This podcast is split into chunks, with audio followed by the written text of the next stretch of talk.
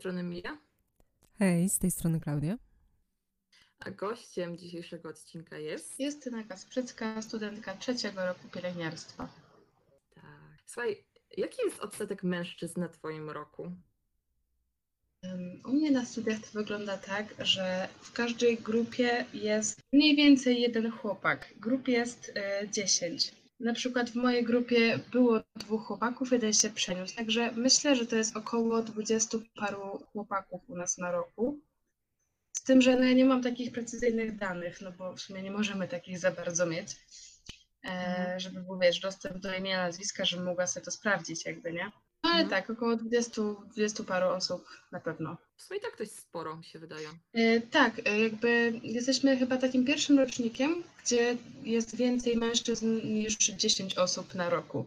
Ale też jesteśmy jednym z bardziej licznych roczników, bo nas w tej chwili jest 270 uczniów, a rok wyżej jest tylko 180. A powiedz mi, a myślisz, że z czasem, z roku na rok jest coraz więcej mężczyzn, którzy decydują się iść na pielęgniarstwo, czy raczej się to nie zmienia w ogóle? Ja myślę, że to się zmienia. Mm, Na pewno. Też dużo osób, które są z wykształcenia opiekunami medycznymi, gdzie jest dużo mężczyzn, to też się decydują po, znaczy nie mówię, że wszyscy, ale w większości decydują się później po rozszerzeniu jakby kwalifikacji, decydują się na studia pielęgniarskie. To super, super, że jest właśnie więcej, coraz więcej mężczyzn właśnie idzie w tym kierunku.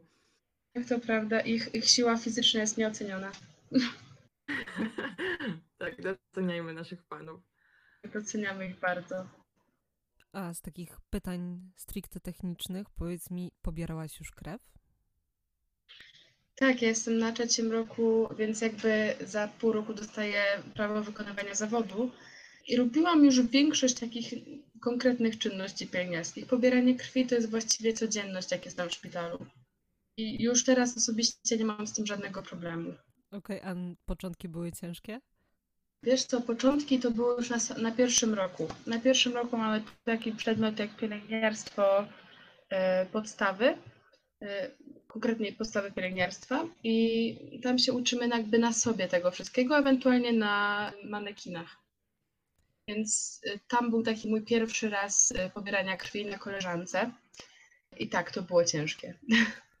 Znaczy nawet nie mówię, że technicznie jest to ciężkie, tylko bardziej takie nastawienie, że jestem ja, drugi człowiek i muszę go ukuć i muszę to zrobić tak, żeby y, on się jak najmniej miał do czego przyczepić. Ale to jest Żeby nie właśnie- było, że, że będzie siniak, że bolało i że szczypie. Ale właśnie dla mnie to jest taka trochę przerażająca myśl, że to jest twoja znajoma i masz teraz wbić jej prosto w żyłę i co jeżeli coś pójdzie nie tak? No to jak coś pójdzie nie tak, no to y, skapnie trochę krwi i nic więcej. I co najwyżej mi się odwdzięczy tym samym, jak przyjdzie kolej na mnie. A, po, a powiedz, miałaś kiedykolwiek problem ze znalezieniem żyły? Tak, nieraz i to się zdarza bardzo często, bo e, wiecie, jak to jest. Jakby każdy z nas jest różny. Niektórym te żyły dosłownie widać gołym okiem, nawet bez zaciśnięcia stazy na ręce, czy na nodze, czy gdziekolwiek. E, a u niektórych zaciskasz, nie wychodzi nic. E, no ale każdy te żyły ma, więc e, nie mówię, że się kuje na oślep, bo tak do końca nie jest, ale żyłę trzeba widzieć, poczuć, e, więc czasami jest tak, że ich w ogóle nie widać, ale gdzieś tam czujesz, że coś pod tą skórą jest. Więc wtedy po prostu próbujesz. No i no niestety zdarza się tak, że się kuje kilka razy. A to nawet jak są widoczne żyły, to się zdarza. Bo istnieje też stereotyp, swoją drogą krzywdzący, że na pielęgniarstwo wybierają się osoby, które nie mogły dostać się na lekarski. Jak myślisz, prawda? Nieprawda? Zależy. Mm, Znaczy, y, odpowiedź na wszystko zawsze jest zależy. Jednak y, no, jest to bardzo krzywdzący stereotyp, ponieważ pielęgniarstwo to wcale nie jest zawód, który wybiera się, bo nie ma się co robić albo nie ma się na siebie pomysłu. Jest to dla naprawdę większości ludzi, którzy się na to decydują, po prostu zawód, który oni chcą wykonywać w przyszłości, coś, w czym siebie widzą. E, Oczywiście zdarza się tak, że na te studia trafiają osoby, które się po prostu nie dostały na, e, w tym danym roku na kierunek lekarski, czy nawet na ratownictwo medyczne, czy po prostu na cokolwiek, na farmację również. Także jak, jak najbardziej są tacy ludzie, może stąd się bierze trochę ten, ten stereotyp, jakby to nie jest ich wina, bo każdy wie jak to jest. Niektórzy po prostu muszą iść na studia jakiekolwiek, a że jest to pokrywne do ich kierunku jakby właściwego, na przykład tak jak lekarskie do pielęgniarstwa, no to idą i może im się spodoba, może nie, a za rok spróbują poprawić maturę, nie? Ale też mi się wydaje, że no jednak no potrzeba nam pielęgniarzy, pielęgniarek, bo jednak też w, lekarzy brakuje, ale brakuje też właśnie was. Także im więcej tak naprawdę osób pójdzie, nieważne czy się nie dostały na lekarski, czy właśnie wybrały to z pasji, zainteresowania, to super sprawa, że jest spore jakby zainteresowanie jednak tym zawodem. No jak najbardziej. Wiesz, każda osoba jest mile widziana tak naprawdę, nie? E, tylko żeby potem nie było, że wszyscy myślą, że to jest taki e, poboczny kierunek, nie? Że, że pielęgniarstwo to się idzie, jak się nie ma co robić. To tak jak też krzywdząco, ale ludzie mówią czasami o zarządzaniu, nie? Mm, Tak, To, tak. to pielęgniarstwo też jest tak traktowane przez niektórych. No ale ja myślę, że to się też zmienia, bo ludzie zaczynają kminić o co chodzi. Myślę, że w tych czasach to już w ogóle. mm, No, a to bardzo dwojako, wiesz, to jedni, jedni doceniają, drudzy, drudzy wręcz przeciwnie, także nie ma na to reguły. Okej, ale w sumie jak ze wszystkim. No, naprawdę. Notabene przeraża mnie to, że w ogóle uważa się, że pielęgniarki i pi- pielęgniarze to, jest, to są pracownicy właśnie tego niższego sortu, nie? Jak to w ogóle się utarło w społeczeństwie. Tak, bo kiedyś tak było, że był personel medyczny niższy i wyższy, no i pielęgniarstwo ogólnie było tym niższym. Jakby takie podziały są w ogóle dla mnie głupie, bo prawda jest taka, że w medycynie liczy się każdy, od lekarza po, przez ratownika, pielęgniarkę do aż salowej i pań w kuchni tak naprawdę. Naprawdę każdy jest ważny. I to widać bardzo teraz w czasach pandemii, co się dzieje, kiedy tych osób brakuje. Bierze się wszystkich. Tak. Ręce do pracy się bierze. A skoro już, to skąd u Ciebie taka decyzja, jeśli chodzi o wybór, o wybór kierunku? No, ja sama nie wiem. W sensie, e, może troszkę na mnie wpłynęło to, że mam ciocię pielęgniarkę, nawet dwie, ale jakby nigdy z nimi nie rozmawiałam o tym, nigdy też nie rozmyślałam o tym za bardzo. Ogólnie to myślę, że to było trochę takie zachłyśnięcie się starszą siostrą, która skończyła kierunek lekarski. Mhm. I ja w liceum, będąc na biochemię, jak sobie myślałam, że ten lekarski to w sumie mnie wcale nie jara. I spędziłam bardzo dużo czasu na wypełnianiu różnych ankiet osobowościowych, w których zawodach będę dobra i wiecie, takie te różne ankiety, inne takie. No i starałam się znaleźć coś dla siebie. Wszędzie mi wychodziło, że, że pielęgniarstwo i ogólnie praca z ludźmi to będzie coś dla mnie. Też mama mnie do tego trochę namawiała i powiedziała mi coś bardzo ważnego, co sobie wzięłam do serca, że, że studia można zmienić w każdej chwili, że mogę iść na studia pielęgniarskie, zobaczyć jak to wygląda nawet przez dwa miesiące. Jak mi się nie spodoba, to w każdej chwili mogę po prostu się gdzieś przenieść, bo, albo po prostu zrezygnować i spróbować za rok. Czyli nie myślałaś e, nawet przez chwilę, żeby na przykład spróbować na studia medyczne i tam jakąś specjalizację wybrać, bo tam jest jednak szeroki wybór tych specjalizacji? Specjalizacje, bo jeżeli mówimy o lekarskim, to są praktycznie, może nie, że takie same, ale bardzo podobne są dla pielęgniarstwa. Bo Mhm. to, to już nie jest tak, że pielęgniarka to jest od wszystkiego, ale możesz być pielęgniarką geriatryczną, pediatryczną, możesz być pielęgniarką internistyczną czy e, anestezjologiczną. Właściwie każdy, e, pod, od, każdy oddział ma swoją specyfikę, dlatego też personel jest, e, no mile jest widziane, kiedy personel jest szkolony, że tak powiem, w danej dziedzinie też, nie? Więc te specjalizacje są też w pielęgniarstwie. To, to już nie jest tak, że pielęgniarka to wiecie, to jest na jakim oddziale będzie to jest to samo, no, no nie do końca, bo każdy oddział się różni, nie? Więc to, to akurat nie, nie było nigdy takim wyznacznikiem u mnie, ale tak jak mówię, mnie lekarski po prostu nie jarał. Bo mm, no, bycie lekarzem, a bycie pielęgniarką to jest trochę co innego. Bo lekarz to jest osoba, tak mówię bardzo w uproszczeniu, nie? która zleca badania, która z pacjentem to robi wywiad, rozmawia i go leczy, a pielęgniarka to jest ta osoba, która te wszystkie leki podaje, która pacjenta dogląda tak naprawdę, która go obserwuje, pielęgnuje. To jest, to jest w zasadzie taki główny cel pielęgniarstwa, nie? Mhm. Więc no jest to różnica, jest więcej tego człowieka w zawodzie, że tak powiem. Tak naprawdę większy kontakt z tym pacjentem jednak. Tak, dokładnie, a mi właśnie na tym zależało, żeby być z ludźmi, nie? Też składałam ogólnie papiery tylko na dwa kierunki. Na pielęgniarstwo i na fizjoterapię, bo pomyślałam, że, bo ogólnie powiem szczerze, że wszyscy wiemy, jakie pielęgniarstwo ma, jaką ma opinię wśród społeczeństwa i w ogóle, że to jest bardzo ciężkie, niewdzięczne. E, I ja się po prostu zwyczajnie bałam. Ja przepłakałam wiele nocy, bo wiedziałam, że to jest coś, w czym ja się, od, w sensie, że się sprawdziłabym w tym zawodzie, ale bałam się bardzo, e, co ze mną będzie, nie? Że jakby, że, że to się okaże bardzo smutna decyzja. E, No i oczywiście jakby tak nie jest, ale, ale to był mój taki strach, zanim jeszcze poszłam na te studia. Więc stwierdziłam, że w razie czego to złożę jeszcze na fizjoterapię, że będę sobie ludzi masować w prywatnym gabinecie. Super. Ale teraz się bardzo cieszę, że, że nie poszłam na tą fizjoterapię, bo e, nie dość, że się znalazłam jakby swoje miejsce w tym pielęgniarstwie, to e, przede wszystkim anatomia by mnie chyba zniszczyła. Czyli czujesz, że jesteś na właściwym miejscu i na właściwej drodze. No, no tak, tak czuję. Chociaż powiem Ci, że gdyby nie było tej pandemii, to byłoby mi zdecydowanie łatwiej powiedzieć, co czuję w tym temacie, no bo, no bo to wszystko utrudnia. Domyślam się, bo pewnie dużo wam zajęć e, nawet praktycznych jakby przypadło, chociażby same praktyki. Tak, tak, tak, to prawda. Mm, No ale jakby na szczęście jestem już właśnie na trzecim roku. Ja już w szpitalu dużo byłam godzin, ogarniam co się dzieje, tylko szkoda jest mi po prostu takich przedmiotów. Na przykład teraz mieliśmy neurologię, która mi przepadła, tylko byłam na pielęgniarstwie neurologicznym, bo nam wróciły zajęcia i byłam cztery dni na oddziale teraz. Więc chociaż tyle, chociaż po prostu liznęłam tego trochę od tych miesięcy, gdzie była przerwa. No ale tak, teraz zostały mi tylko praktyki jakby, nie? A właśnie jak już jesteśmy na etapie zajęć praktycznych, to co one obejmują?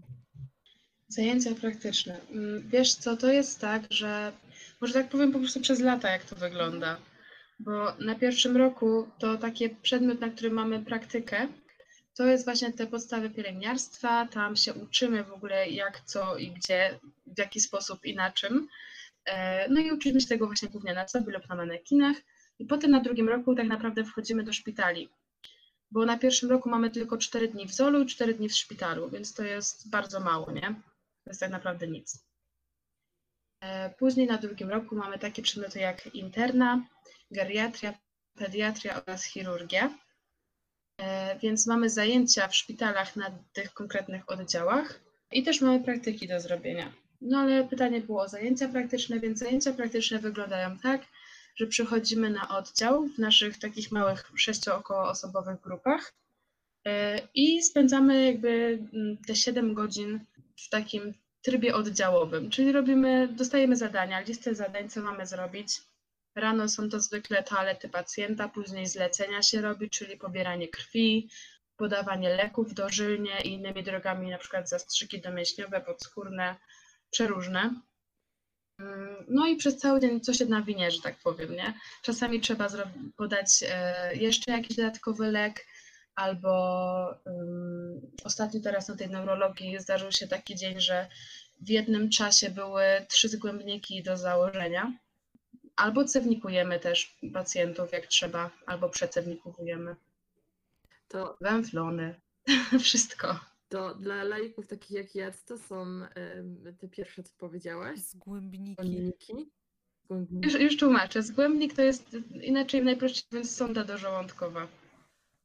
A, Czyli taka rurka, którą składa się przez nos albo przez buzię i ona idzie sobie aż do żołądka i to jest dla chorych, którzy no, mają wskazania, czyli najczęściej po prostu nie jedzą, odmawiają jedzenia albo nie mogą jeść z innych przyczyn, na przykład, nie wiem, krwawienia mm, w przełyku, więc karmi się ich po prostu prosto do żołądka. To jest dosyć mało inwazyjne, o dziwo.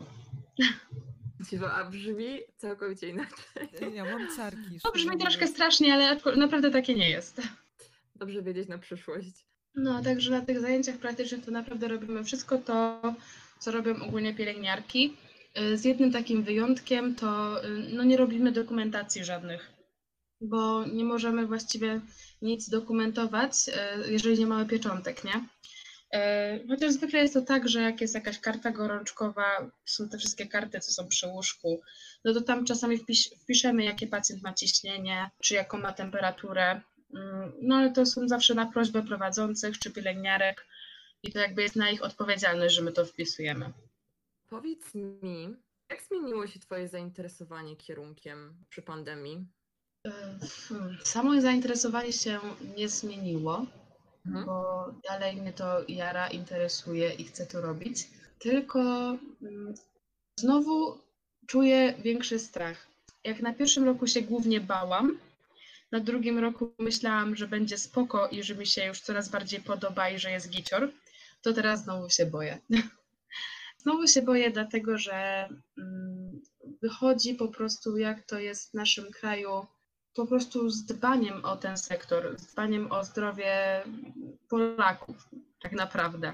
Po prostu brakuje ludzi wszędzie. To jest najgorsze, bo, bo wiecie, na przykład szumnie się mówi o tym, że ktoś kupił łóżka dla jakiegoś szpitala, albo y, ktoś doniósł respiratory, czy jakieś, nie wiem, zrobiły zamówienie na leki, wiecie, cokolwiek, nie? Czy, czy to wszystko do ochrony personelu, tylko że tego personelu nie ma. To jest najgorsze, bo jak ktoś kończy studia, to sobie myśli, że idzie do pracy na etat i jest fajnie, nie? I sobie popracuje, wdroży się i jakoś to będzie. Ja muszę się tak naprawdę liczyć z tym, że jak skończę studia, to idę do pracy, gdzie etat to za mało. I każdy będzie mnie namawiał na dodatkowe godziny, więc pewnie będę robiła około dwóch etatów. I to wynika po prostu z braku ludzi. No i każdy po prostu jest y, tak mile widziany, że aż y, właściwie musi być. No tak, a skoro właśnie jesteśmy e, przy tym, to myślisz, że jesteś gotowa na to, na to wszystko psychicznie? Nie. Nie, naprawdę nie. Ale chyba, chyba się nie da na to być gotowym psychicznie, wiesz, bo no, to jest coś, co, co trzeba zobaczyć. Dlatego ja poniekąd trochę się cieszę, chociaż też się znowu boję. Są bardzo mieszane uczucia, że ja idę na ten wolontariat poniedziałek zaczynam. Bo muszę przez, zaliczyć praktyki, więc poszłam na wolontariat i stwierdziłam, że to będzie mm, takie miejsce, gdzie ja się będę mogła wdrożyć w to, jak wygląda opieka nad y, pacjentem z chorobą zakaźną. To jeszcze w takim naj, najgorszym wydaniu, ponieważ idę na OJOM, gdzie ludzie są właśnie no, zupełnie respiratorami, są, są zależni po prostu od, od maszyn tak naprawdę, nie? Nie są tacy pacjenci, z którymi ja No, porozmawiam. To, to jest bardzo, bardzo ciężki oddział też, nie? Czyli to jest po prostu taka konfrontacja z ludzkimi tragediami i to aktualnie w dzisiejszych czasach, no w czasie pandemii, jedną z najgorszych tragedii. Zdecydowanie. Jakby teraz nawet przez te cztery dni na oddziale, na zajęciach, już widać po prostu, jak ci pacjenci się czują. Wyobrażacie sobie, jak to musi być, kiedy jesteście odcięci od swojej rodziny, bo nieraz to są osoby starsze, które z telefonu też nie skorzystają za bardzo. E, Jesteście w szpitalu, jesteście chorzy, jesteście zależni od, od obcych tak naprawdę osób. I mimo, że to jest personel medyczny, to no jakby jest coś takiego jak wstyd. Ludzie się boją zapytać, poprosić, więc jest się po prostu zostawionym samemu tak naprawdę z chorobą i, niektórzy nie wiedzą, co z nimi będzie dalej. Nie ma wsparcia rodziny w tym czasie. Tak, bo są odcięci jednak, nie? Żeby się... Tak, tak. To, to jest naprawdę smutne. No właśnie, a propos takich smutnych rzeczy, to boisz się konfrontacji z różnymi tragediami? W przyszłości oczywiście, mam nadzieję, że będzie ich jak najmniej, więc odpukać. Ale no wiadomo, że może się zdarzyć tak, że będziesz świadkiem jednak jakiejś tragedii, śmierci pacjenta.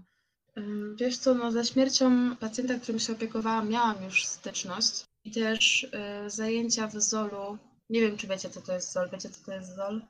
Ja mniej więcej wiem, ale możesz powiedzieć E, nam i e, naszym słuchaczom. No tak, to ZOL to jest zakład y, opiekuńczo-leczniczy, o ile się nie mylę. Mogę się mylić. E, W każdym razie jest to takie miejsce, gdzie znajdują się pensjonariusze.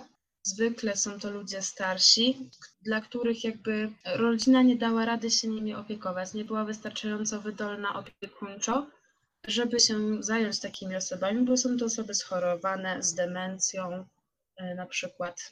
Są bardzo określone e, zasady, na jakich są przyjmowani pacjenci do takich placówek. I no po prostu muszą to być osoby, które nie dają sobie same ze sobą rady, ani rodzina nie daje sobie z nimi rady. Tak mówiąc w uproszczeniu bardzo, nie? I to tam spotkałam się po raz pierwszy z takim naprawdę ogromem cierpienia. No i bardzo przykrymi sytuacjami. Na przykład nigdy nie zapomnę, a to już było trzy lata temu, jak przebierałam po prostu ubrania, pościel łóżkową i myłam taką starszą kobietę, która, no wszystko ją bolało, tak? Dostawała cały czas leki przeciwbólowe, bardzo silne, opioidy i mimo wszystko ją bolało i krzyczała z tego bólu. I w pewnym momencie zaczęła patrzeć się na krzyż, który wisiał e, na sali i krzyczała, Boże, dlaczego mnie opuściłeś? Więc no jakby ja zdębiałam, bo co ja mam takiej kobiecie powiedzieć, nie? Wiecie, jestem ja, moja przyjaciółka, z którą jakby, wiesz, obrabiamy, że tak powiem, tą kobietę i ona, która, która nagle, jakby wiecie, wysyła taki krzyk, takie pytanie gdzieś w przestrzeń. Nie wiem, do tej pory nie wiem za bardzo, jak się zachować, więc no, Nawet jest to powiem- ciężkie, nie? Nawet powiem ci, że ja w tym momencie właśnie mam takie, że kompletnie nie wiedziałabym ani jak reagować, ani, ani co tym bardziej powiedzieć. No, co tak naprawdę można powiedzieć, taka jest prawda. Prawda jest taka, że ta kobieta to ona miała właśnie Alzheimera, więc i tak, i tak. Może to nie, nie wiem, czy to brzmi strasznie, co ja mówię, czy to brzmi jakoś źle z moich ust, ale prawda jest taka, że e, próbując wyjaśnić tej kobiecie e, cokolwiek, jakby uspokajać ją, ona może cię i tak, i tak nie zrozumieć. Ona ma trochę jakby swój świat, bo to już była bardzo zaawansowana, e, zaawansowany jakby stan tej choroby, nie? Ona miała swój świat. No i niestety ten świat był przykry. Potem jak już ją troszkę uspokoiłyśmy, no bo wiecie, jakby y, nie byłam wtedy też taka cicha, w sensie ja usiadłam obok niej, wzięłam jej dłoń, pogłaskałam tą dłoń, nawiązałam z nią kontakt wzrokowy, wzrokowy i starałam się po prostu jakby zmienić temat, zagadać ją, pokazać jej coś, żeby ona skupiła się na moment chociaż na czymś innym. To wtedy ona zaczęła się mnie pytać, gdzie są jej dzieci, jak mają na imię. Moim Że po prostu trochę z deszczu pod. No ale cóż. Jak to jest bardzo dobre jednak podejście do tego pacjenta, takie, znaczy też wydaje mi się, że w swoim zawodzie nie możesz się za bardzo jednak, nie możesz za bardzo emocjonalnie podchodzić do pacjenta i za bardzo się z nim emocjonalnie łączyć, że tak powiem, ale jednak takie podejście wydaje mi się w takiej czy innej sytuacji jest naprawdę dobre, takie ludzkie podejście po prostu. Tak. Powiem ci szczerze, że tak jak powiedziałaś zresztą, nie możemy się do pacjentów emocjonalnie przywiązywać. Właśnie dlatego, że tych pacjentów nawet codziennie y, można stracić. Codziennie nawet kilku. Mhm. Także no, no nie możemy, tak? Dlatego często bardzo się zarzuca pielęgniarkom czy innemu personelowi medycznemu, że podchodzi do pacjenta, że tak powiem, instrumentalnie, albo mówiąc krótko, szorstko. Jakby ja tego nie tłumaczę, ale rozumiem, że to może być jakaś linia obrony. Nie pochwalam tego, bo ja uważam, że da się inaczej, ale może nie każdy potrafi inaczej, nie? Tak, ale też tych pacjentów jednak e, no, w pracy macie setki, więc jakby włączenie się, przywiązywanie się do każdego, e, do każdego z nich to jest Tak, tylko trzeba po prostu pamiętać, że nie tylko my jesteśmy ludźmi, ludźmi są też y, nasi pacjenci. My się nimi opiekujemy, jesteśmy dla nich osobami, którym ufają, na których, y, na którym po prostu oni polegają na tym, że nas mają. Od tego zależy tak naprawdę to, mm, co z nimi będzie na tym oddziale, zwłaszcza teraz, jak jest pandemia. Ale do, z własnego doświadczenia mogę powiedzieć, że tak naprawdę taki odsetek niemiłych pielęgniarek jest naprawdę mały. Naprawdę jest masa pielęgniarek i pielęgniarzy, którzy naprawdę mają serce na dłoni i, i naprawdę bardzo dbają o swoich pacjentów. No i tak, no i śmierć się przeżywa, wiadomo, ale tak naprawdę to chyba nie ma jak sobie z tym poradzić. Trze- Trzeba po prostu doświadczyć tego i to przetrawić. A jak już o tym przetrawieniu właśnie mówimy, to szpital zapewnia Wam w ogóle jakąś poradę psychologiczną w takich sytuacjach? Wiesz co, no ja na razie jestem jeszcze studentką, więc nie pracuję w szpitalu, więc nie wiem, bo być może któreś tak, ale mieliśmy w tym roku zajęcia e, z psychologiem, tak w ramach po prostu jakiegoś przedmiotu, już nie pamiętam nawet dokładnie jakiego. I mieliśmy możliwość zadawania prowadzącemu pytań. I to pytanie się pojawiło jakby z naszej strony do prowadzącego, czy szpitale zapewniają jakąś taką opiekę właśnie mm, psychologiczną dla personelu. Dowiedziałam się wtedy, że no nie bardzo, ale że można szukać jakby pomocy w poradniach przyszpitalnych. Jakby szczerze mówiąc, naprawdę nie wiem, jak to wygląda. Nam, studentom, w każdym razie takiej pomocy się nie oferuje, aczkolwiek teraz, jak nadeszła pandemia, bo wcześniej to nawet nie wiem, czy tak było, muszę się przyznać, ale teraz już wiem, że na przykład moja uczelnia proponuje swoim studentom e, w ramach właśnie takiej pomocy psychologicznej rozmowę z psychologami, którzy pracują na uczelni. Bo na pierwszym roku na przykład miałam taki przedmiot jak psychologia, więc jakby każdy rocznik każdych, e, każdego kierunku ma takie zajęcia, więc te osoby pracują na uczelni. I dostaliśmy możliwość, że możemy sobie po prostu z nimi porozmawiać, jakby, nie? Tak w ramach pomocy. Bo właśnie się tak zastanawiałam, przecież to jest naprawdę duża ilość ludzkich tragedii, jakby nie patrzeć. I z tego co Eee, wiem, że, wiem, że tak, lekarze tak. mają taką pomoc, ale właśnie pielęgniarki i o tym się zapomina, że wy też potrzebujecie tego. Wiesz co, ja myślę, że w ogóle się zapomina, że pracownik, pracownika trzeba zadbać, żeby on mógł dbać o innych. Dokładnie. To już jest bardzo ogólne, ale no, mówi wiele po prostu. No tak. to jest naprawdę, to jest prawda, bo jednak przy samych godzinach wy potraficie mieć dyżur całodobowy. Też zależy wiadomo na jakich oddziałach, ale no zdarza się, że są te, są te zmiany, które trwają Mhm. 24 godziny, więc nie dość, że jest e, jednak przewijają się męczenie, więc to jednak dbanie o to zdrowie psychiczne e, w tym zawodzie jest moim zdaniem bardzo ważne.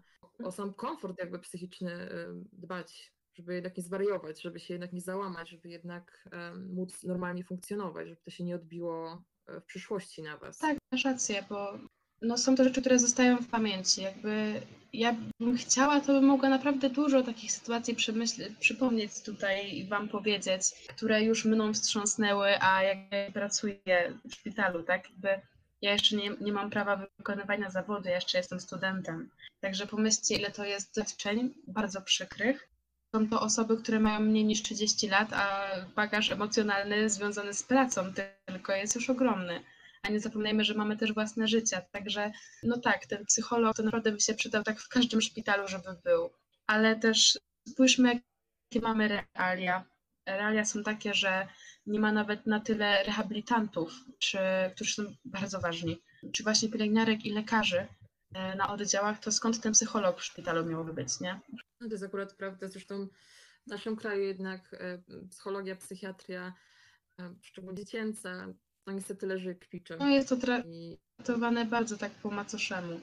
Ale to chciałam powiedzieć to w ogóle, że tak a propos tego, że się nie myśli za bardzo mm, właśnie o, tym, o tej pomocy psychologicznej, to tak chciałam tylko zaznaczyć, że na przykład w chorobach zawodowych pielęgniarki nie, jest, nie są uwzględnione żadne choroby kręgosłupa, ani popularne bóle pleców. Jakby nie wiem, czy zdajecie sobie z tego sprawę, ale bóle pleców to jest coś, co dotyka 99% pielęgniarek już po pierwszych latach pracy bo podnoszenie pacjentów, podnoszenie wszystkiego jest po prostu ciężkie, tak? Nie zawsze da się to robić w pozycjach ergonomicznych. No po prostu nie jest to takie łatwe, a nie jest ono nigdzie, także jak po 20 latach pracy masz totalnie pokrzywiony kręgosłup, to jest to po prostu twoja wina i musisz to robić na własną rękę, to naprawiać. Współczuję naprawdę, ale nie domyślam się, bo, bo jednak już parę. Nie jest tak zawsze, że, że też siedzicie, czy macie czas odpocząć, bo to też zależy pewnie od dyżuru i właśnie ile jest ludzi po prostu, ile tej pracy jest, więc to też nie jest tak, że. Znaczy na, na pewno macie przerwy, ale bardziej chodzi mi o to, że nawet w trakcie, żeby Mhm. odpocząć i też pewnie zdarzy się, że trafi się taki pacjent, nie wiem, czy tobie się tak e, trafiło, ale pewnie trafiają się też tacy pacjenci, którzy no, nie rozumieją tego, że potrzebujecie chwili, e, chociażby na odpoczynek. Zdarzają się pacjenci, którzy się awanturują. Wiesz co, to, to nawet nie tak, że pacjenci, to y, mogę powiedzieć, że gorsze pod tym względem są ich rodziny. Jakby ja naprawdę się staram rozumieć każdego. Wiecie, to, to jest taki problem osoby, która ma dużo empatii, to jest to, że ty wszystkich rozumiesz i wszystkich tłumaczysz. No ja tak mam, bo prawda jest taka, że sam pacjent to jak jest w złym stanie, to nawet nie ma czasu ci ani ochoty ponarzekać na ciebie. Ale jego rodzina, która przyjdzie i zobaczy coś, co im, wiesz, nie pasuje, to już nie mają żadnych skrupułów, żeby się przyczepić, że jest godzina 11, a ty akurat pijesz kawę, nie? Zresztą zauważmy, że jest taki stereotyp, przecież, przecież pielęgniarki, one siedzą, piją kawę i klapkiem machają, nie? No i tak, robią to, ale robią to o godzinie 10 po raz pierwszy od 7 i po prostu piją kawę, jak każdy z nas pije codziennie praktycznie kawę, tak? Albo je śniadanie na przykład, bo wszyscy jesteśmy ludźmi i jak się skończą obowiązki robić, jest czas na kawę, na śniadanie, a potem znowu się idzie do pracy. Wiecznie siedzą i z łaską robią wszystko. No nie, ale dużo pacjentów tak to odbiera, bo wiecie, perspektywy są różne, tak? Ja z perspektywy pielęgniarki widzę to, że cały czas gdzieś biegam. I powiedzmy, że mam do opieki mm, razem z, z moimi współpracownikami 25 pacjentów. Pięciu pacjentów trzeba przebrać, 15 nakarmić i jeszcze trzem trzeba przebrać pampersa i łóżko, a jest nas cztery osoby. I jak tego nie zrobimy w pół godziny, to zaczynają się skargi że e, pan jeszcze nie zjadł i że musiał go karmić kolega z łóżka obok, e, że plówka się skończyła już dawno i nikt nie przyszedł odpiąć. No, no i to jest podstawowy problem, który już nawet nie wpływa tylko na personel medyczny, tylko na pacjentów, na jakość opieki, którą my im dajemy. I naprawdę wszyscy się staramy, wszyscy, ale ograniczone mamy możliwości po prostu. No ale to właśnie tak jak każdy człowiek, no jest pewien limit twojego wysiłku fizycznego i zmęczenia psychicznego, do którego dobijasz i po prostu tego nie da się przeskoczyć. No tak, no. Wiecie, dzień na oddziale się nie zaczyna i nie kończy, on po prostu trwa. I gdzieś w tym wszystkim my jako ludzie mamy swoje potrzeby fizjologiczne i no, ja mogę mówić teraz właściwie tylko za siebie, ale ja, jest taka zasada, że jak rano nie zjesz śniadania, to y, nie puszczą cię na oddział do roboty. Musisz zjeść, y, nie ma, że nie bo wszyscy wiedzą, jest, bo wszyscy wiedzą, że jest tak, że jak nie zjesz o tej siódmej, to potem do 16 możesz nie tchnąć ani szklanki wody. Takie są realia. Nie mówię też, że wszędzie i nie mówię, że wszystkie pielęgniarki i pielęgniarze są tacy mili, tacy uczynni, ale naprawdę tyle osób pracuje w tym zawodzie medycznych i przecież gdybyście naprawdę nie nadawali, to nie ciągnęliby tego, tak? jeśli wy nie zadbacie o siebie, o swoje zdrowie, o to, żebyście mieli tak naprawdę siłę e, pracować, to nie macie co pomagać innym. Bo też nie może być takiej sytuacji, że jak wiemy, czym skutkuje niejedzenie, do czego może doprowadzić. I no, nie wyobrażam sobie sytuacji, gdzie jest pielęgniarka czy lekarz, którzy no, nie zdążyli czegoś zjeść i nie wiem, dleją przy pacjencie. No. Po prostu, bo po prostu tak. dali radę najpierw zadbać o siebie. Wiecie, to, to chcę jakby mówić, że to jest dramat i że w ogóle na, na nic nie ma czasu, ale, ale trochę taka jest prawda, że w większości przypadków tego czasu jest naprawdę bardzo mało, rzeczy do zrobienia dużo i, i rąk do pracy również mało. Więc e, każdy musi czytać swoją kolej, a ludzie są różni. Jeszcze ludzi, którzy są chorzy, są jeszcze bardziej marudni, więc no. Jak mówię, ja się staram każdego rozumieć i każdego tłumaczyć. Też rodziny, jak przychodzą i, i widzą, że na przykład, bo zdarza się nieraz tak, że przychodzi rodzina na oddział, patrzy, a jego mama czy ojciec leży w brudnym pampersie, nie? My, jakby ja nie chcę mówić, że tak może być, że to jest normalne, no bo to nie jest normalne, tak? Pacjent ma być zawsze zadbany, wypielęgnowany, ale jakby to może się stać w sekundę. My możemy świeżo odejść od tego, od tej osoby i pampers może być znowu brudny. I my możemy naprawdę tego nie zauważyć, nikt może tego nie zgłosić, a rodzina akurat wejdzie i to zauważy.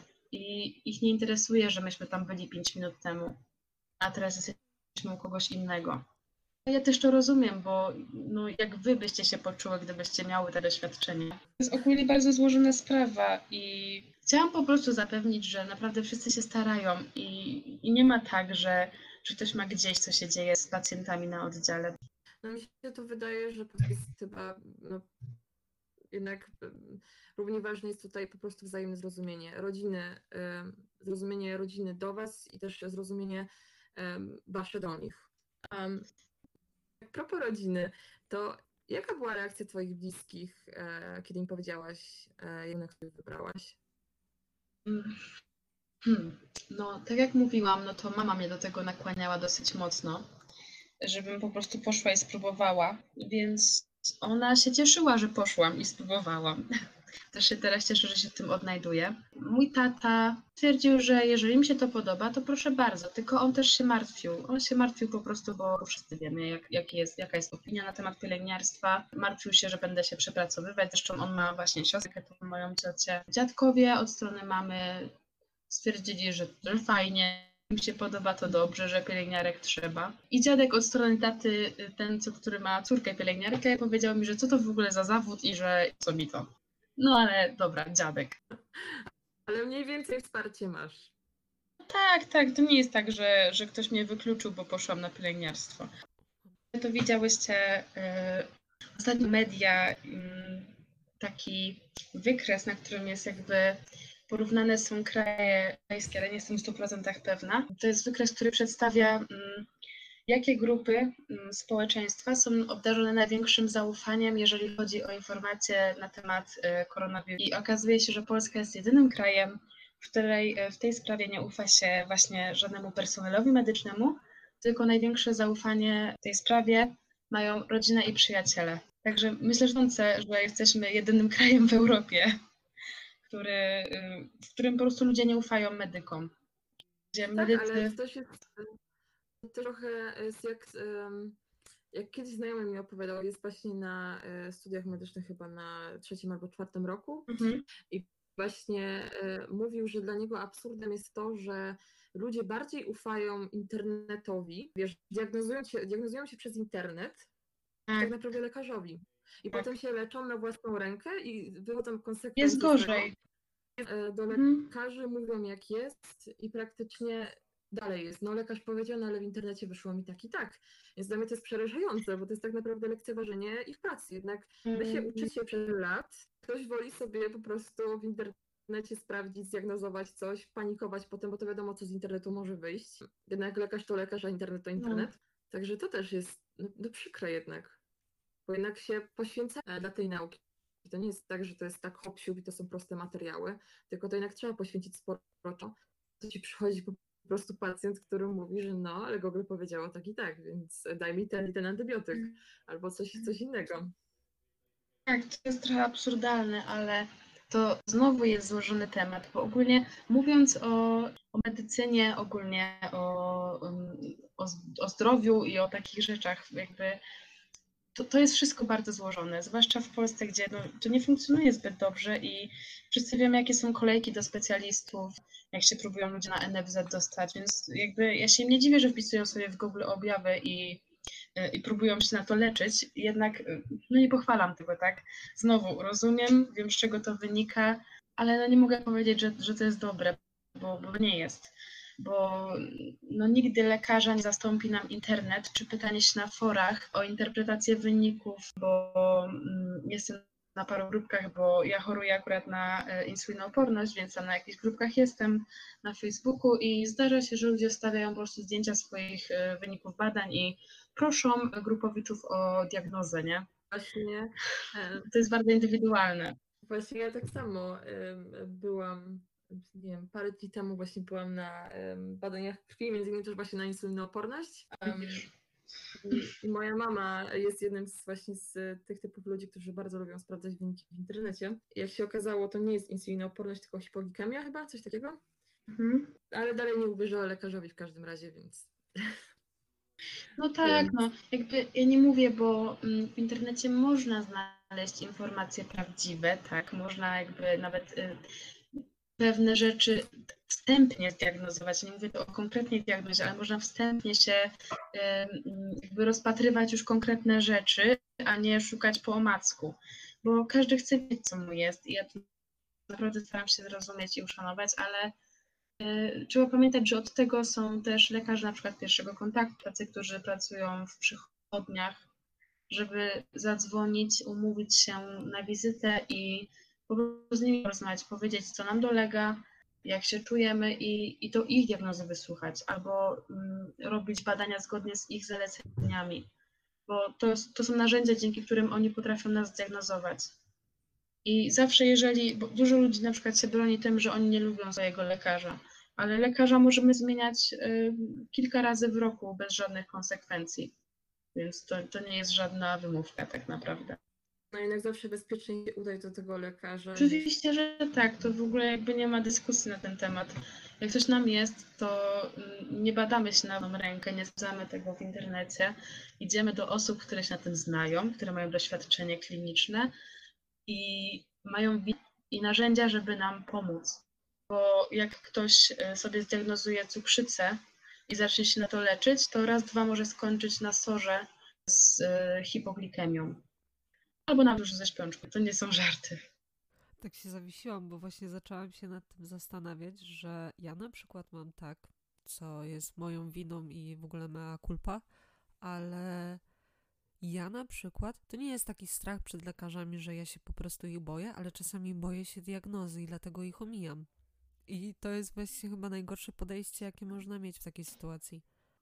Wiesz co, tak, spotkałam się nieraz z takim podejściem, jakby ja, ja sama się e, bałam diagnozy w momencie, kiedy się badałam u endokrynologa, e, więc ja rozumiem, że ludzie się po prostu zwyczajnie boją. To jest bardzo silna emocja, która nam towarzyszy. No i niestety, niestety niektórzy ludzie temu ulegają i wolą nie wiedzieć. Bardzo często to dotyczy chorób na przykład onkologicznych, tak? Nikt nie chce się dowiedzieć, że ma raka ale to nie znaczy, że należy po prostu jakby zbywać ten temat i udać, że się nic nie dzieje.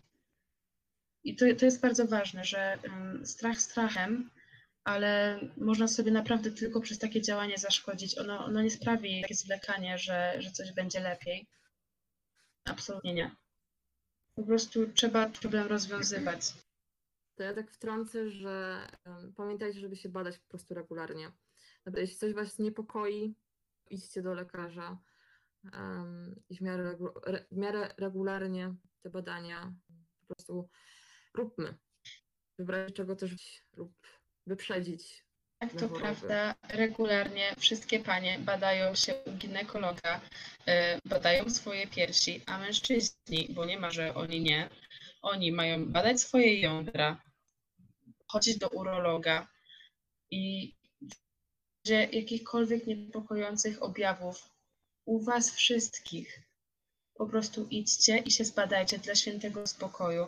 Przypominam, że nawet pieprzyk, nawet pieprzyk może się zamienić w coś złego. Także naprawdę nie bagatelizujmy żadnego spokoju. Zbadajmy się po prostu. Zwłaszcza, że jak się, ale wczesne rozpoznanie daje szansę, największą szansę na szczęśliwe łączenie po prostu. Ja się w tym e, obiema rękami, jeszcze tak dodam, że panowie również e, badajcie swoje piersi, bo Tak, jakby Jednak- tak, nie powiedziałam tego, ale to jest bardzo ważne. istnieje mały procent zachorowań na raka piersi wśród mężczyzn, ale on istnieje, Istnieje, jak naj- pamiętajcie, żeby zdarzają się takie sytuacje. Tak, swoje piersi też badamy. Tak, i, i pamiętajcie i panowie, i panie, że piersi e, można badać również samodzielnie w domu, a w razie gdy właśnie e, coś odpukać, wykryjemy to jak najszybciej udać się do lekarza. Nie do internetu, do lekarza. To prawda. Tak, internet zostawmy na oglądanie słodkich kotków, a nie diagnozowanie się. Tak, dokładnie. Zresztą zawsze można to połączyć w jakiś sposób. Czy wiesz, ale e, największy odsetek jakby wykryć e, raka piersi, tutaj mówię akurat u kobiet, nie u mężczyzn, e, to u kobiet wykrywają tego raka partnerzy i po prostu dają im znać. I często jest tak, że partnerka e, takiego e, faceta, który po prostu zauważył coś, że coś się dzieje z jej piersiami, dowiaduje się, wyleczy. Ja z, z tego doświadczenia powiem, że e, no u również taka sytuacja była, że właśnie po prostu mój chłopak wykrył, zresztą nawet chyba nie, że przypadkiem, ale zresztą ja go poprosiłam, właśnie to jest ten, Mhm. co, co, studiował, co studiuje nadal w na e, tym e, medyku i poprosiłam go chociażby z ciekawości, żeby właśnie, e, wiesz, zbadał po prostu. Lepiej, żeby on to, mając jakieś tam doświadczenie i po prostu jakoś przebłyskimi mm, jak najszybciej do ginekologa, chyba nawet w tym samym dniu poszłam do tego ginekologa i się okazało, że owszem, nie ignorujmy, nie, tak naprawdę nie ignorujmy żadnych zmian w swoim ciele. Widzisz, to jest coś, czego nawet ty nie wiedziałeś, że się dzieje z twoim własnym ciałem, nie? Właśnie. Będziesz planowała rozpoczęcie pracy na oddziale dziecięcym, czy dla osób dorosłych? W ogóle myślałaś nad, y, nad takim wyborem już? Tak, myślałam nad tym wyborem, dlatego że na drugim roku y, miałam taki przedmiot właśnie jak pediatria i pielęgniarstwo pediatryczne i tam utwierdziłam się w przekonaniu, że ja się do dzieci po prostu nie nadaję, bo to zarówno dzieci, jak i osoby starsze są takie dosyć specyficzne, dlatego że y, musisz po prostu czuć, że dasz radę. Y, dzieci są małe, kruche i ja osobiście boję się, to jednak taki mój wewnętrzny strach przy dzieciach jest znacznie większy niż przy osobach dorosłych. Zwłaszcza, że też y, dziecku wystarczy podać minimalną dawkę leku, on już działa i to działa mocno, gdzie u dorosłego no, trzeba podać tego znacznie więcej, więc bardzo łatwo jest o jakieś skutki uboczne czy o błędy w podaniu u dzieci. I ja się nie czuję na tyle mm, jakby dobra w tym i, i też nie mam chyba aż takiego dobrego podejścia do dzieci, żeby one się mnie nie bały na tym oddziale. Bo do dzieci jednak też trzeba mieć inną wrażliwość, tak mi się się- wydaje. Grupę taką e, przyjaciółkę, która ona do dzieci to w ogóle jest najlepsza. Po prostu patrzę na nią i ja widzę przyszłą pielęgniarkę pediatryczną. Naprawdę. To trzeba mieć, naprawdę, bo to tak samo jak nie każdy może zostać przedszkolanką na przykład, to no nie każdy może też być pielęgniarką na oddziale dziecięcym. Z tym, że też dzieci są różne, bo na przykład na takich dzieciach starszych to myślę, że bym już dała radę, bo to są już dzieci, z którymi ja porozmawiam, tak? I się coś dowiem od nich. Też można wtedy jakoś, wiecie, nakłonić się, żeby były y, bardziej ufne do mnie. A dzieci takie y, od roczku do trzech lat i, y, i młodsze niż rok, no to, no to są takie malutkie istotki. I tam właściwie jedyny kontakt, jaki mamy, to z ich opiekunami, tak, z ich rodzicami. No nie jest to na pewno dla mnie, także ja się widzę w dorosłych, to na pewno. A myślisz, że istnieje możliwość, że będziesz e, po swoim kierunku mogła pracować e, szpitalu psychiatrycznym albo na oddziale psychiatrycznym? Jak najbardziej jest taka możliwość. Kończą- Kończąc pielęgniarstwo, można iść wszędzie, do każdego szpitala, y, o każdym tak naprawdę profilu. Y, Właściwie to w tym roku, mm, na trzecim roku, mam taki przedmiot właśnie mm, psychiatria i pielęgniarstwo psychiatryczne. Można mieć taką specjalizację właśnie, że możesz zostać pielęgniarką psychiatryczną, tak to się chyba nazywa, ale znów mogę się mylić. No więc tak, jak najbardziej można i nie rozważałam tego jeszcze, bo chciałam po prostu zobaczyć, jak to wygląda, no ale jest niestety duża szansa, że nie zobaczę. Może przez pandemię, tak? Właśnie No tak, no bo nam odwołują zajęcia, co prawda teraz one wróciły, znowu mamy zajęcia e, stacjonarnie, nie przez internet, więc być może w drugim semestrze, czy teraz w kolejnym, pójdę do tego szpitala psychiatrycznego na zajęcia. No, więc ciężko mi powiedzieć po prostu, ale, ale tak, taka możliwość jak najbardziej jest. No i super, bo to też jest całkowicie inne doświadczenie jednak, nie? To się jednak... I wydaje mi się, że tu się podejście do pacjenta przede wszystkim różni. Bo też, y, no jakby szpitale psychiatryczne nie są wszystkie takie Mhm. same też, nie? Na jednych masz na przykład, y, na przykład są młodzieżowe szpitale psychiatryczne, nie? Gdzie głównymi zaburzeniami są y, depresja, stany lękowe, bulimie, takie rzeczy. A są miejsca, gdzie y, są głównie ludzie dorośli, no nie mówię, że tylko, nie? I tam się musisz liczyć z tym, że E, Depresja to jest przy tym pikuś, nie? Tam są ludzie z takimi psychozami, że tak naprawdę to myślę, że personel się ich boi. Są to miejsca specyficzne, na pewno. Dlatego ja bardzo żałuję, że nie będę miała raczej okazji ich zobaczyć, bo ja nawet myślałam, czy, czy nie pójść sobie właśnie na psychiatrię. Bo no jest to ciekawe, tak? To na pewno. Z takich właśnie moich obserwacji, to w szpitalach psychiatrycznych, ale tutaj mówię faktycznie o szpitalach, znaczy o oddziałach dla dorosłych, tak jak moja babcia leżała, ona miała schizofrenię afektywną dwubiegunową, to na oddziale Mhm. jakieś 70% to byli faktycznie mężczyźni jako pielęgniarze. Więc tutaj y, męska część, która nas słucha, idźcie na pielęgniarstwo, bo jesteście strasznie potrzebni w takich miejscach. Tak, to prawda, wszystkich nakłaniamy na pielęgniarstwo. No, ale, ale tak, no może to dlatego, że em, trochę nie chcę generalizować, no ale jednak jest tak trochę, że Mężczyźni są zwykle troszeczkę bardziej, mają coś takiego, że potrafią być empatyczni, ale nie brać tak do siebie jak kobiety. Mam takie wrażenie, przynajmniej to są tylko moje obserwacje, jakby wśród moich znajomych właśnie męskich i żeńskich na studiach, tak powiem. I to właśnie widać, że, że oni potrafią jakby trochę oddzielać życie na oddziale od życia prywatnego, gdzie my kobiety mamy z tym troszkę większy problem. Może to dlatego. Może. No i też ta wspomniana y, siła fizyczna, to, to zdecydowanie na oddziałach psychiatrycznych się bardzo przydaje, bo pacjent y, pobudzony to jest pacjent, który ma siłę większą niż dwóch dorosłych ludzi tak naprawdę. naprawdę. To, jest, to jest straszne, co ludzie potrafią zrobić, jak, jak, jak im mózg każe tak naprawdę.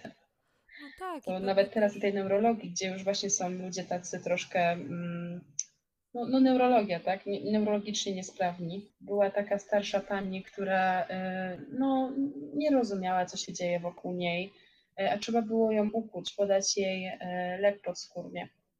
Strasznie się wyrywała, okropnie wręcz. I trzymałam ją ja i dwie moje przyjaciółki, czwarta podawała i ona nas podrapała, wyrywała się mojej koleżance, nogą ją kopnęła, także wiecie, starsza pani, nie? Która nie wstaje z łóżka i nagle tyle siły, że no trzeba mieć, trzeba mieć trochę krzepy. Dlatego, drodzy panowie, wiecie, co macie robić? E, Tak, Pamiętać o badaniu i e, w razie W, to słuchajcie, jesteście bardzo potrzebni e, na pielęgniarstwie. A chciałabyś coś tak powiedzieć na sam koniec naszym słuchaczom? Ja bym przede wszystkim chciała może prosić, żeby mieć takie spojrzenie, że personel medyczny to są ludzie. Należy nam się też w ciągu dnia czas na wypicie kawy, na zjedzenie śniadania czy na pójście do toalety. I zaręczam, że to nie jest tak, że pacjent jest na drugim miejscu. Pacjent jest sensem naszego zawodu. Dla, dla niego jesteśmy w szpitalu. W takim razie bardzo dziękujemy za dzisiejszy odcinek, że byłaś naszą super gościową i mam nadzieję, że jeszcze się usłyszymy albo zobaczymy się na live, to też by było mega spoko. Najbardziej, jak, jak, jak nasi słuchacze będą mieli ochotę y, znosić moją gadaninę, będą mieli jakiekolwiek pytania, to można coś pomyśleć. A także my się umawiamy. Myślę, że się znajdą osoby, które, e, które będą chciały dowiedzieć się o wiele więcej. Możliwe, że nawet ktoś, e, kto teraz wybiera jakąś swoją drogę życiową, zdecyduje się na pielęgniarstwo i jeśli tak, to, e, to super. Mm. Dawajcie nam znać, jeśli tak. I dawajcie Justynie znać, jeśli tak. Em, Proszę. Zwłaszcza, że ten, że ten odcinek jest taki bardzo ogólny. Więc y, jeżeli kogoś to interesuje, to w ogóle, no nie wiem, nawet pisać na Instagramie czy gdzieś tam. Ja mogę odpowiadać na pytania. Damy Twoje social media w razie W. Proszę Em, bardzo. No, także to tyle w dzisiejszym odcinku i do usłyszenia w następnym. Pa! Hej, trzymajcie się. Do usłyszenia.